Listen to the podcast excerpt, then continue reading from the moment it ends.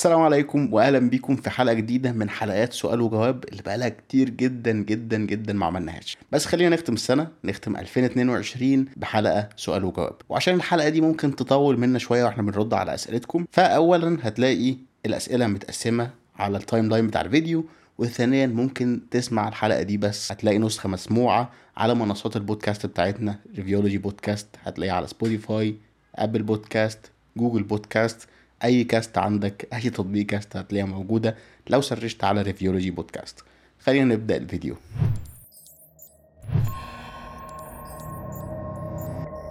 وخلينا نبدأ بأسئلة group الفيسبوك اللي هو Phone Review Community لو أنت مش فيه تروح تشترك فيه. وأول سؤال معانا من محمد عماد وبيسأل عن أسباب الأزمة الحالية في سوق الموبايلات. طبعا أسباب الأزمة الحالية في سوق الموبايلات في أسباب دولية وأسباب محلية. ونقدر نقول إن إحنا بنتكلم في ثلاث محاور. محورين محليين ومحور عالمي. طبعا في مصر أنت عارف إن في أزمة دولار لأنه مش بس الموبايلات هي اللي فيها أزمة لأ كل حاجة فيها أزمة تانية. وبالتالي أول محور هو إنه في أزمة دولار سعر العملة عمال يقل مقابل الدولار. وبالتالي الحاجات كلها بالذات اللي مسعره بالدولار أو اللي بنستوردها بتزيد وتزيد. لكن المشكلة التانية كمان إن الاستيراد أصلا في مشاكل من أول السنة. يعني أغلبية المنتجات أو الحاجات اللي مش مهمة قوي اللي هي الإلكترونيات واللي منها الموبايلات واقف وصعب جدا استيراده من أول السنة. يعني دخل دفعات قليلة جدا من أول السنة. نزلت موبايلات جديدة قليلة جدا من أول السنة لأن الاستيراد واقف لأن في أزمة دولار لأن دي حاجات تعتبر رفاهية شوية والدولار متحوش لحاجات أهم.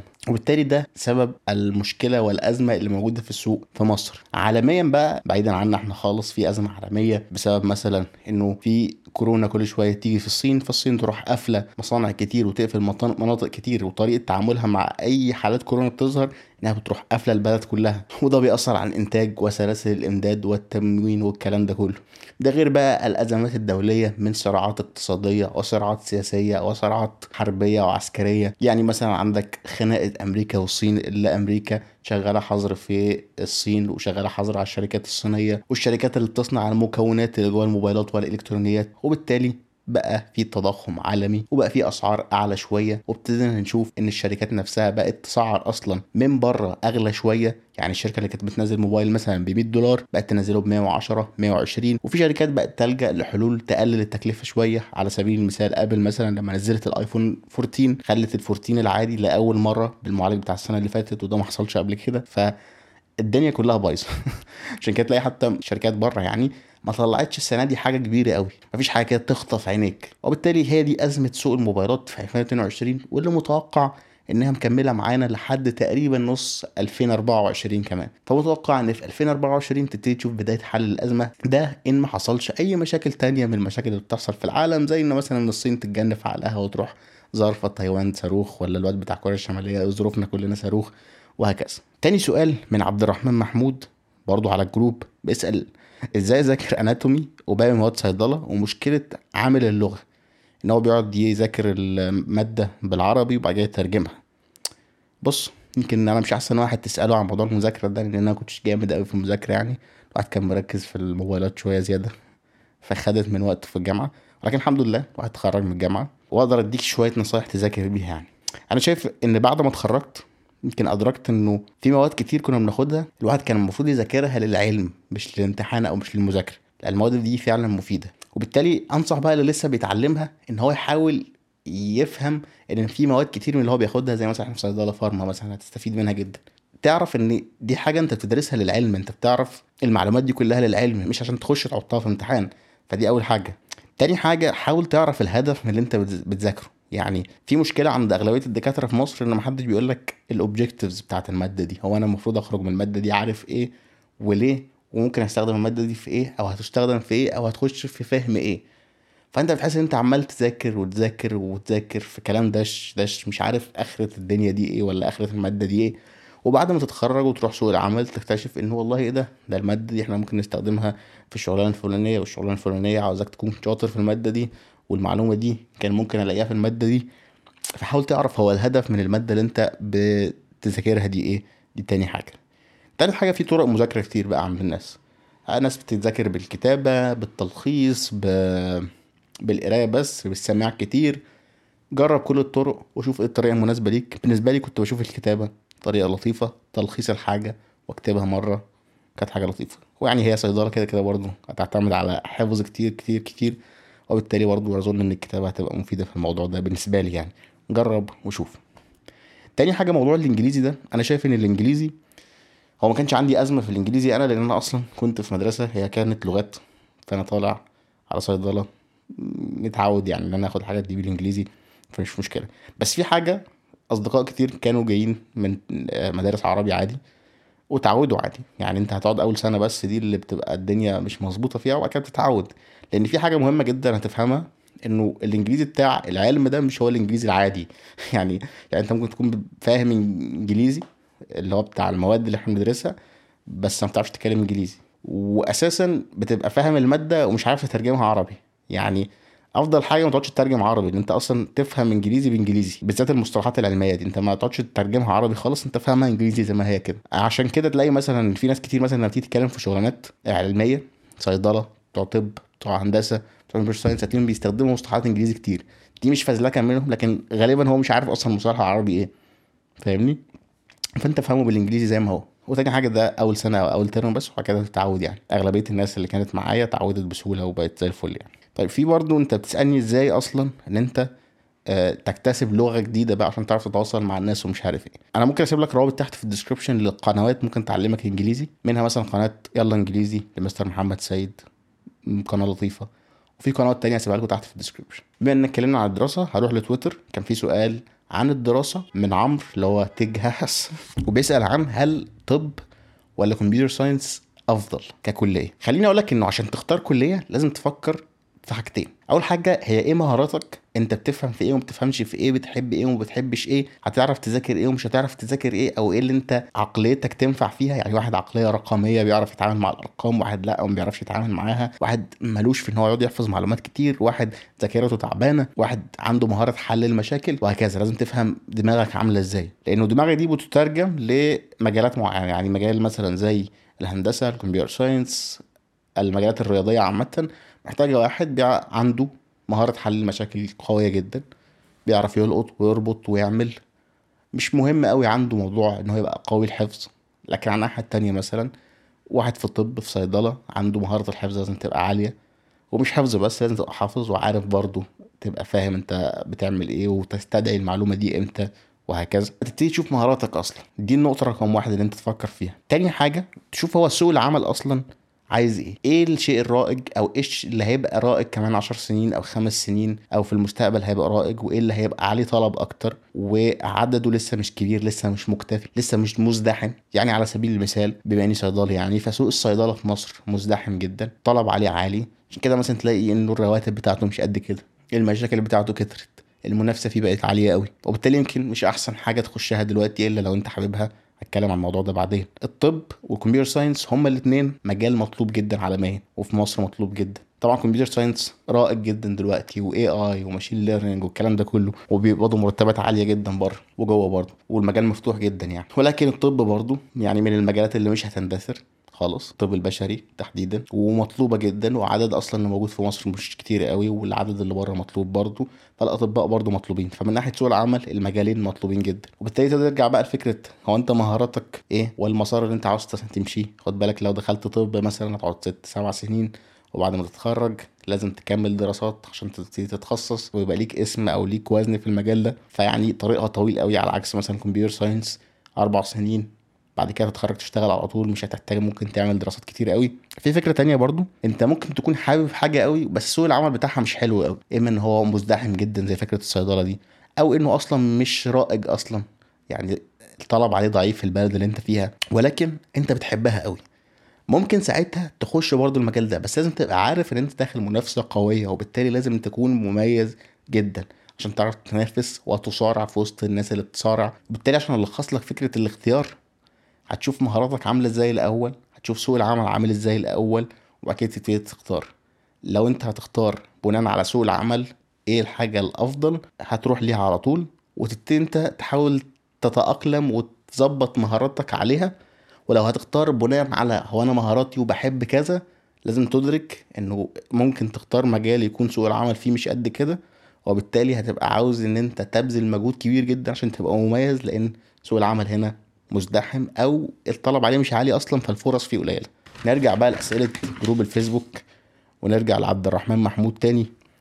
ومعانا سؤال من إبراهيم أمين على تويتر. الاتنين كانوا بيسألوا على موضوع ال AI بالذات ال AI بتاع الصور وهل ال AI هيستبدل المصممين أو هيضر المصممين؟ خليني برضو أديك نبذة دلوقتي لو أنت مش عارف وأنت قاعد بتسمعنا فدلوقتي في الات بال AI تقدر إن أنت تكتب لها أنا عاوز صورة شكلها عامل كذا عاوز كذا كذا كذا تكتب لها وصف يعني والوصف ده يتحول لصورة بال AI يعني مش هيجيب لك صورة من الإنترنت مش هيبحث لك صورة على الإنترنت لا هيعمل لك صورة من, من العدم يعني. وبالتالي ابتدى يبقى في تهديد للمصممين. هل كده المصممين دورهم هينتهي يعني؟ الإجابة بالنسبة لي هي لا دورهم مش هينتهي. ولكن لازم المصممين يبتدوا يتعلموا ال AI ويتعلموا الأدوات دي ويستخدموها في شغلهم ويحتضنوها لأنه ببساطة لو أنت حاولت تمشي عكس ال AI هيتداس عليك بعد كده. بص إحنا كبشر عامة يعني بنعرف نتأقلم وعادي جدا إن في أشغال تندثر. يعني مثلا عندك صناعة الدروع كانت منتشرة في وقت ما دلوقتي ما بقاش في دروع وبالتالي بتوع الدروع بقى يبيعوا إيه دلوقتي؟ بقى يبيعوا بدل مضاد للرصاص أو كبروا قوي بقت شركات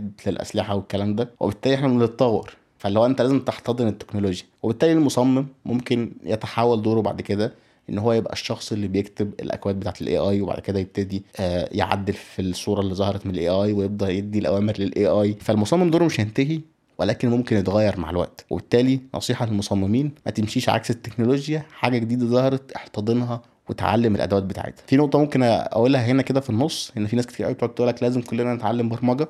أنا مش شايف إن لازم كلنا نتعلم برمجة بس لازم كلنا نبقى عارفين إيه اللي بيحصل. لازم كلنا نتعلم الأدوات اللي بتطلع دي وإزاي نستخدمها وإزاي نستغلها في مجالاتنا المختلفة. مش لازم نعرف أكواد أو كودنج لكن لازم نعرف الحاجات دي. الحاجات دي مهمة. سؤال ثالث من عبد الرحمن محمود وما شاء الله يعني عبد الرحمن محمود واخد الفيديو كله لنفسه. هو بيتكلم هل الحالة الاقتصادية هتأثر على المحتوى؟ المحتوى التقني تحديدا. طبعا إحنا في المجال التقني السنة دي كنا قدام تحدي كبير يعني.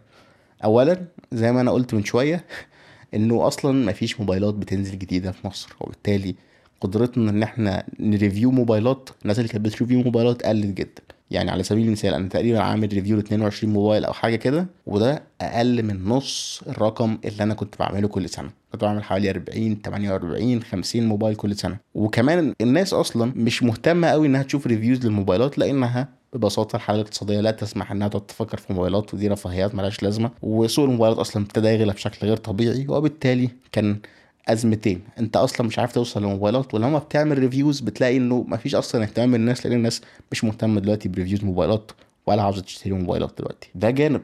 كمان جانب تاني انه مصادر الدخل انخفضت. اللي عنده sponsorship واللي عنده رعايات واللي عنده deals واللي عنده مش عارف إيه كل الحاجات دي وقفت محدش عارف يعمل حاجة لأنه المجال كله انهار تقريبا. أنت عندك فوق ال 60 وال 80% انخفاض في مبيعات الموبايلات في مصر وده بيأثر على المحلات وبيأثر على ال sponsorships وبيأثر على صناع المحتوى في الآخر. ففي انخفاض كبير قوي في الدخل مقابل ارتفاع في أسعار الحاجات اللي إحنا بنستخدمها مقابل مفيش موبايلات مقابل كمان مفيش اهتمام من الناس. فآه إحنا في وضع صعب جدا في المجال التقني. ممكن اللي ينجو شوية اللي بيقدم محتوى ترفيهي أكتر بيقدم محتوى مش معتمد على أجهزة أكتر بيقدم محتويات تانية وعارف يتأقلم. الناس اللي على التيك توك برضو ناجيين شوية وإن كانوا برضو مش أحسن حاجة يعني. شخصيا يعني واجهت صعوبات كبيرة السنة دي صعوبات نفسية وذهنية والواحد جاله creative block لو مش قادر يفكر في محتوى مش قادر يعمل فيديوهات. ولدرجة زي ما أنتم شايفين تقريبا من شهر تسعة والقناة ابتدت تموت مبقتش انزل عليها فيديوهات. الواحد قرر ياخد إجازة من شهر تسعة وكان عنده أمل إن هو يعود في شهر 11 جاي 10 وجه 11 حاولت أطلع فيديوهات طلعت واحد أو اتنين أو تلاتة تقريبا وبعد كده رجعت تاني مش قادر أطلع فيديوهات. ويعني الفيديو ده أنا بزقه أصلا بالعافية إن أنا أطلعه فالواحد حالته المزاجية مش أحسن حاجة إن هو يطلع فيديوهات. وكل ما يبتدي يصور يكتب سكريبت ما يبقاش عارف. لدرجة المره دي أنا مش كاتب سكريبت أنا كاتب نقط في ورقة. وبحاول اتكلم أنا يعني. الواحد السنة دي كان أول مرة يفكر إنه لأ الحمد لله إن ده مش شغلانتي الرئيسيه وتاني حاجة الواحد فكر يعتزل اليوتيوب خالص لأنه حاسس إن هو كان بيجي على نفسيتي اللي هو الواحد عنده مش قادر يطلع حاجة حاسس الحالة كلها كئيبة الناس كلها مش مش عاوزة تشوف. تيجي تتكلم على حاجة تقنية مثلا بتحبها وتلاقي محدش مهتم لأن محدش بيفكر في موبايلات دلوقتي والكلام الفاضي ده. أما بقى فكرة إن أنا أتحول للمحتوى الطبي فأنا عندي قناة طبية اسمها دكتور جدو. عملت عليها تقريبا ست فيديوهات. كانوا فيديوهات كويسة جدا. ولكن أنا اكتشفت إنه المحتوى الطبي برضو محتاج بحث كتير جدا. الموضوع مش سهل إن أنت تطلع حاجات طبية.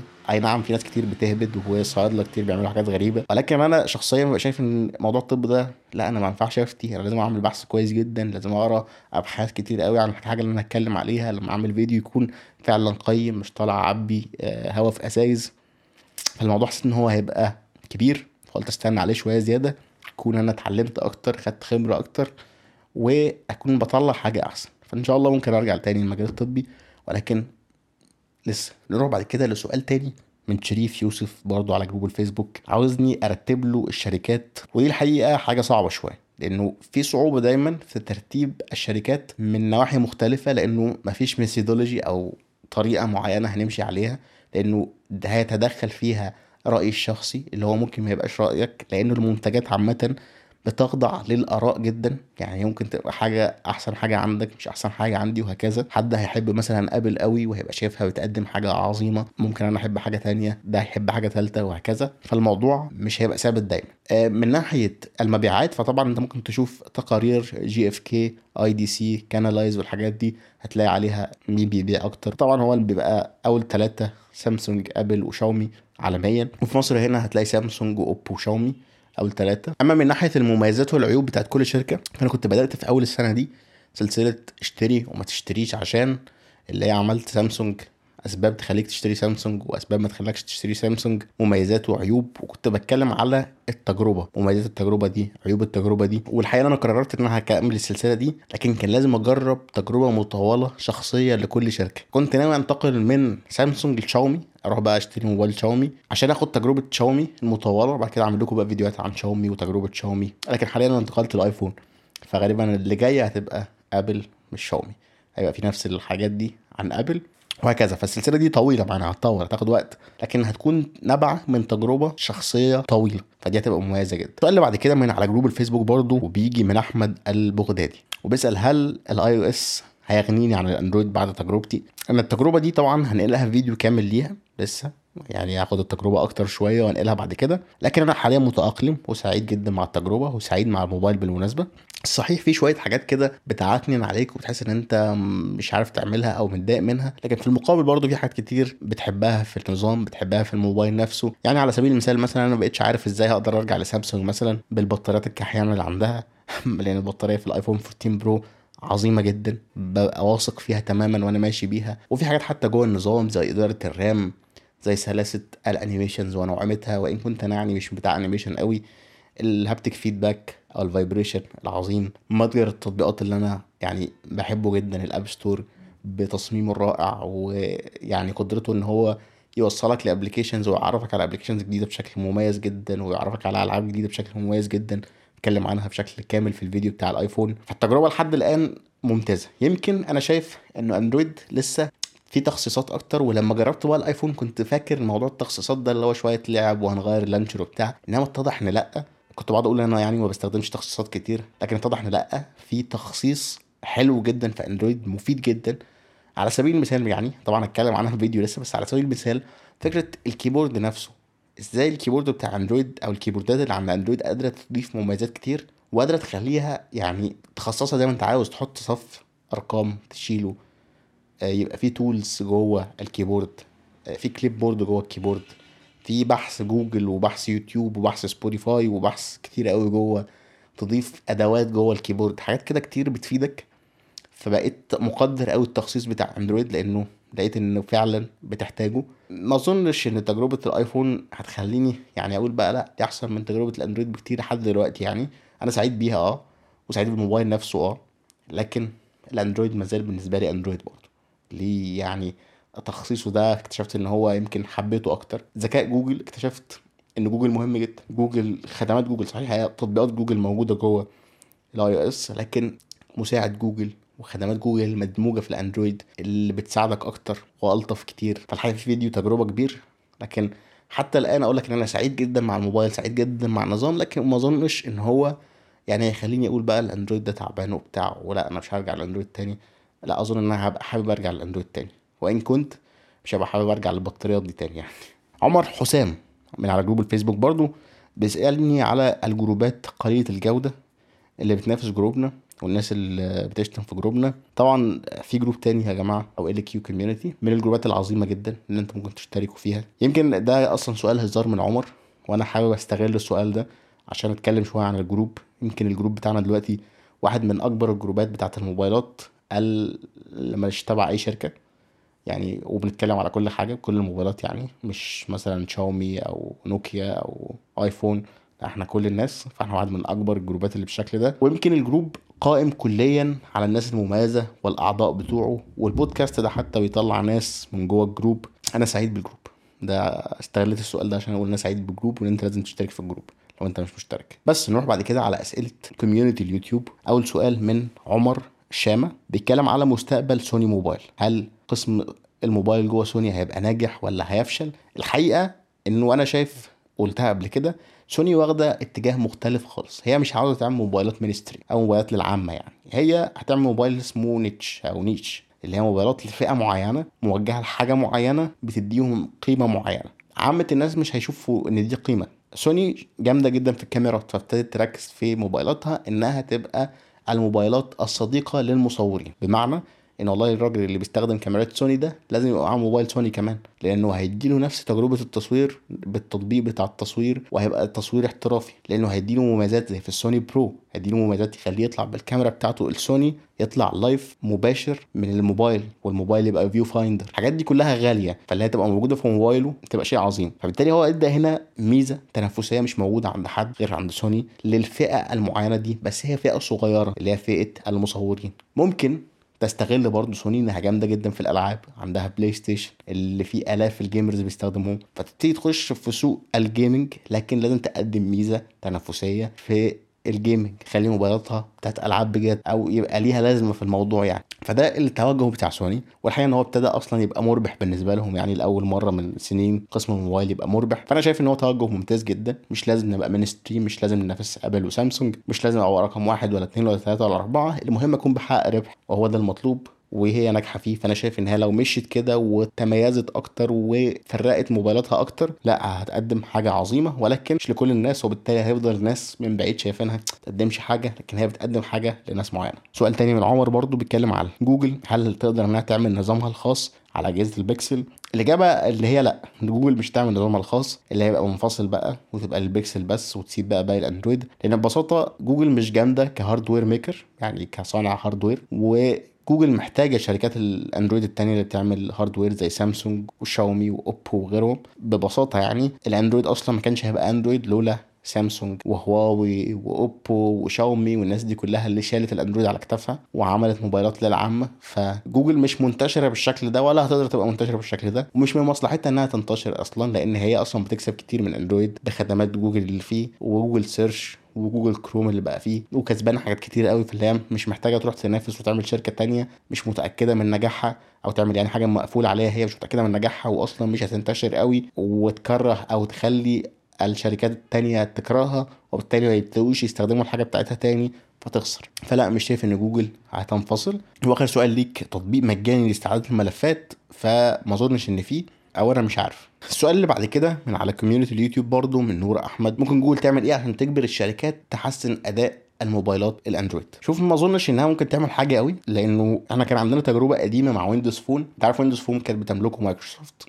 ولكن مايكروسوفت كانت بتفرض قيود كبيرة قوي على الويندوز فون اللي هو في hardware معين مش هينفع ما تنزلش غير بيه. لفترة طويلة كان ويندوز فون ما ينفعش ينزل غير على معالجات من كوالكوم انت عندك اندرويد بينزل على اي خرده فانت يعني مش ما فيش اي ضمان للجودة بتاعه الحاجة يعني. وكان في تضييقات وال software لازم يتعمل update قد كده وهكذا. وفي المقابل الشركات ما كانش عاجبها ده كانت شايفة ده مش مربح فبتحجم شوية المصنعين وده مش هيبقى سعيد قوي للمصنعين وبالتالي الانفتاح ليه ضريبة. يعني انت عندك منفتح دلوقتي تقدر تحط اندرويد على أي خرده وأي حد يستخدمه ويوصل لفئات سعرية قليلة جدا فبالتالي في ضريبة لده. وضريبته إنه يبقى فيه شوية مشاكل في الأداء يمين وشمال. يعني اللي يقدر يضغط بقى على الشركات هو المستخدمين نفسهم ان هم يضغطوا على الشركات ويعاقبوها. فالشركات تهتم أكتر بتجربة المستخدم وهكذا. سؤال تاني من نور هل ترابط ويندوز وأندرويد هيوصل لمستوى الماك والآيفون؟ الحقيقة إنه إلى حد كبير هو وصل لمرحلة ممتازة جدا دلوقتي. أنت تقدر تعمل مكالمة تستقبل الرسائل وترسل رسائل تقبل notifications وترد عليها تفتح تطبيقاتك على ال lap تطبيقات الموبايل على ال lap وتتحكم في الموبايل من ال lap وتنقل ملفات من lap الموبايل لاسلكيا وبقى كل شركة تقريبا من شركات الأندرويد عامة عندها حتى آه، حاجات ترابط أكتر وحاجات مميزات أكتر. سامسونج عندها منظومة بقى سامسونج فلو. تقدر إن أنت حتى تاخد الكلام copy هنا تنقله هنا وال clipboard تبقى مشتركة وقصة كبيرة. شاومي عندها حاجات جامدة هواوي كان عندها برضه حاجات جامدة. فأنا شايف إنه لأ هو ابتدى يبقى في حاجات ممتازة. صحيح مش بمستوى السلاسة والنعومة في الاتصال ما بين أجهزة آه، أبل وبعضها. وده يعني أنا شايفه ضريبة مقبولة جدا تدفعها مقابل الانفتاح. إن أنت تعمل ecosystem من بره بقى الاندرويد والويندوز ecosystem بالأجهزة اللي أنت عاوزها. اللاب من لينوفو ولا من ديل وتجيب موبايل من سامسونج ولا من شاومي ولا من اوبو وساعة من حتة تانية خالص وسماعة من حتة تالتة خالص وتعمل ecosystem مش هتبقى مربوط بخيارات ابل بس الناحية التانية. فالضريبة مقبولة جدا بالنسبة لي وشايفها يعني وصلت لمرحلة ممتازة وممكن توصل لمرحلة أحسن كمان في المستقبل. سؤال من محمود بيسألني على ماك versus ويندوز أو ماك ضد ويندوز هتكسب إيه؟ وتخسر إيه؟ الحقيقة أنا عمري ما جربت ماك كاستخدام شخصي يعني. ففي حاليا محمد الخياط على قناته واسيب لكم الرابط بتاعه. هو بيستخدم ماك بوك دلوقتي تجربة جديدة بالنسبة له وبيتكلم عن تجربته فيها فاسيب لكم القناة بتاعته. ويمكن أسيب لكم برضو فيديوهات تانية بتتكلم على التجربة دي. إنما أنا شخصيا ما جربتش الماك قبل كده فما أقدرش أقول لك يعني. نروح بعد كده بقى على أسئلة إنستجرام. واول واحد هو فؤاد وبيسأل إن هو عاوز يعمل قناة مراجعات ومش عارف يجيب الموبايلات إزاي إن هو يعمل لها مراجعة هل يبدأ إزاي؟ خليني أقول لك على شوية أفكار في موضوع إن أنت تبدأ قناة. بالذات قناة تقنيه لازم تبقى عارف قبل ما تبدأ إن السوق دلوقتي مزدحم. وزي ما قلت من شوية في الرد على سؤال سابق إن السوق كمان دلوقتي مش أحسن حاجة في السوق التقني تحديدا يعني. فمعنى إن السوق مزدحم معناه إن أنت دخولك ليه دلوقتي صعب. مش مستحيل لكنه صعب. هياخد منك مجهود كبير قوي ونسبة الفشل هتبقى عالية. ده لا يعني ان أنا بقول لك ما تعملش قناة ما تخشش السوق ده. لا لكن بحذرك إن أنت عشان تخش في السوق ده لازم تقدم حاجة مميزة تخطف بيها العين لو عاوز تنجح بشكل كويس وبسرعة وبالذات إن أنت مثلا مش هيبقى معاك موبايلات. عاوز أقول لك أصلا إن الموبايلات مش هي أسرع طريقة إن أنت تجيب views إن ال reviews يمكن مش أعلى حاجة بتجيب views أنت لو جيت تبص على احدث الناس اللي عملت قنوات ودخلت السوق ونجحت وطلعت بسرعة عندك مثلا محمد حكيم عندك مثلا تجربة مستخدم لبيبو. وعندك أحمد إبراهيم. هتلاحظ إن الثلاثه عملوا حاجات مميزة. يعني كان في حاجة مميزاهم سواء شخصيتهم ال show اللي عملوه ال... الاستمرارية بتاعتهم والطريقة اللي هم استخدموا عملوا بيها reviews كل واحد ليه حاجة مميزة. لو جيت بصيت وحللت الموقف هتلاحظ إن هم الثلاثه فيهم حاجة مميزة. عشان كده عرفوا يطلعوا. وبالتالي أنت لازم تحلل الموقف كده. تشوف كل واحد قوته إيه. وأنت هتقدر تقدم إيه مميز وقوتك هتبقى إيه مميزة. وتفكر في الحاجة اللي ناقصة في السوق ده وهيبقى عليها طلب فتبتدي تقدمها فتبتدي تتشهر وبقى تجيلك بقى deals و sponsorships وتشوف طريقك يعني وهتلاقي مليون طريقة إن شاء الله تجيب بيها حاجة يعني. وممكن تصرف أنت شوية يعني لو معاك فلوس. يعني في طرق كتير.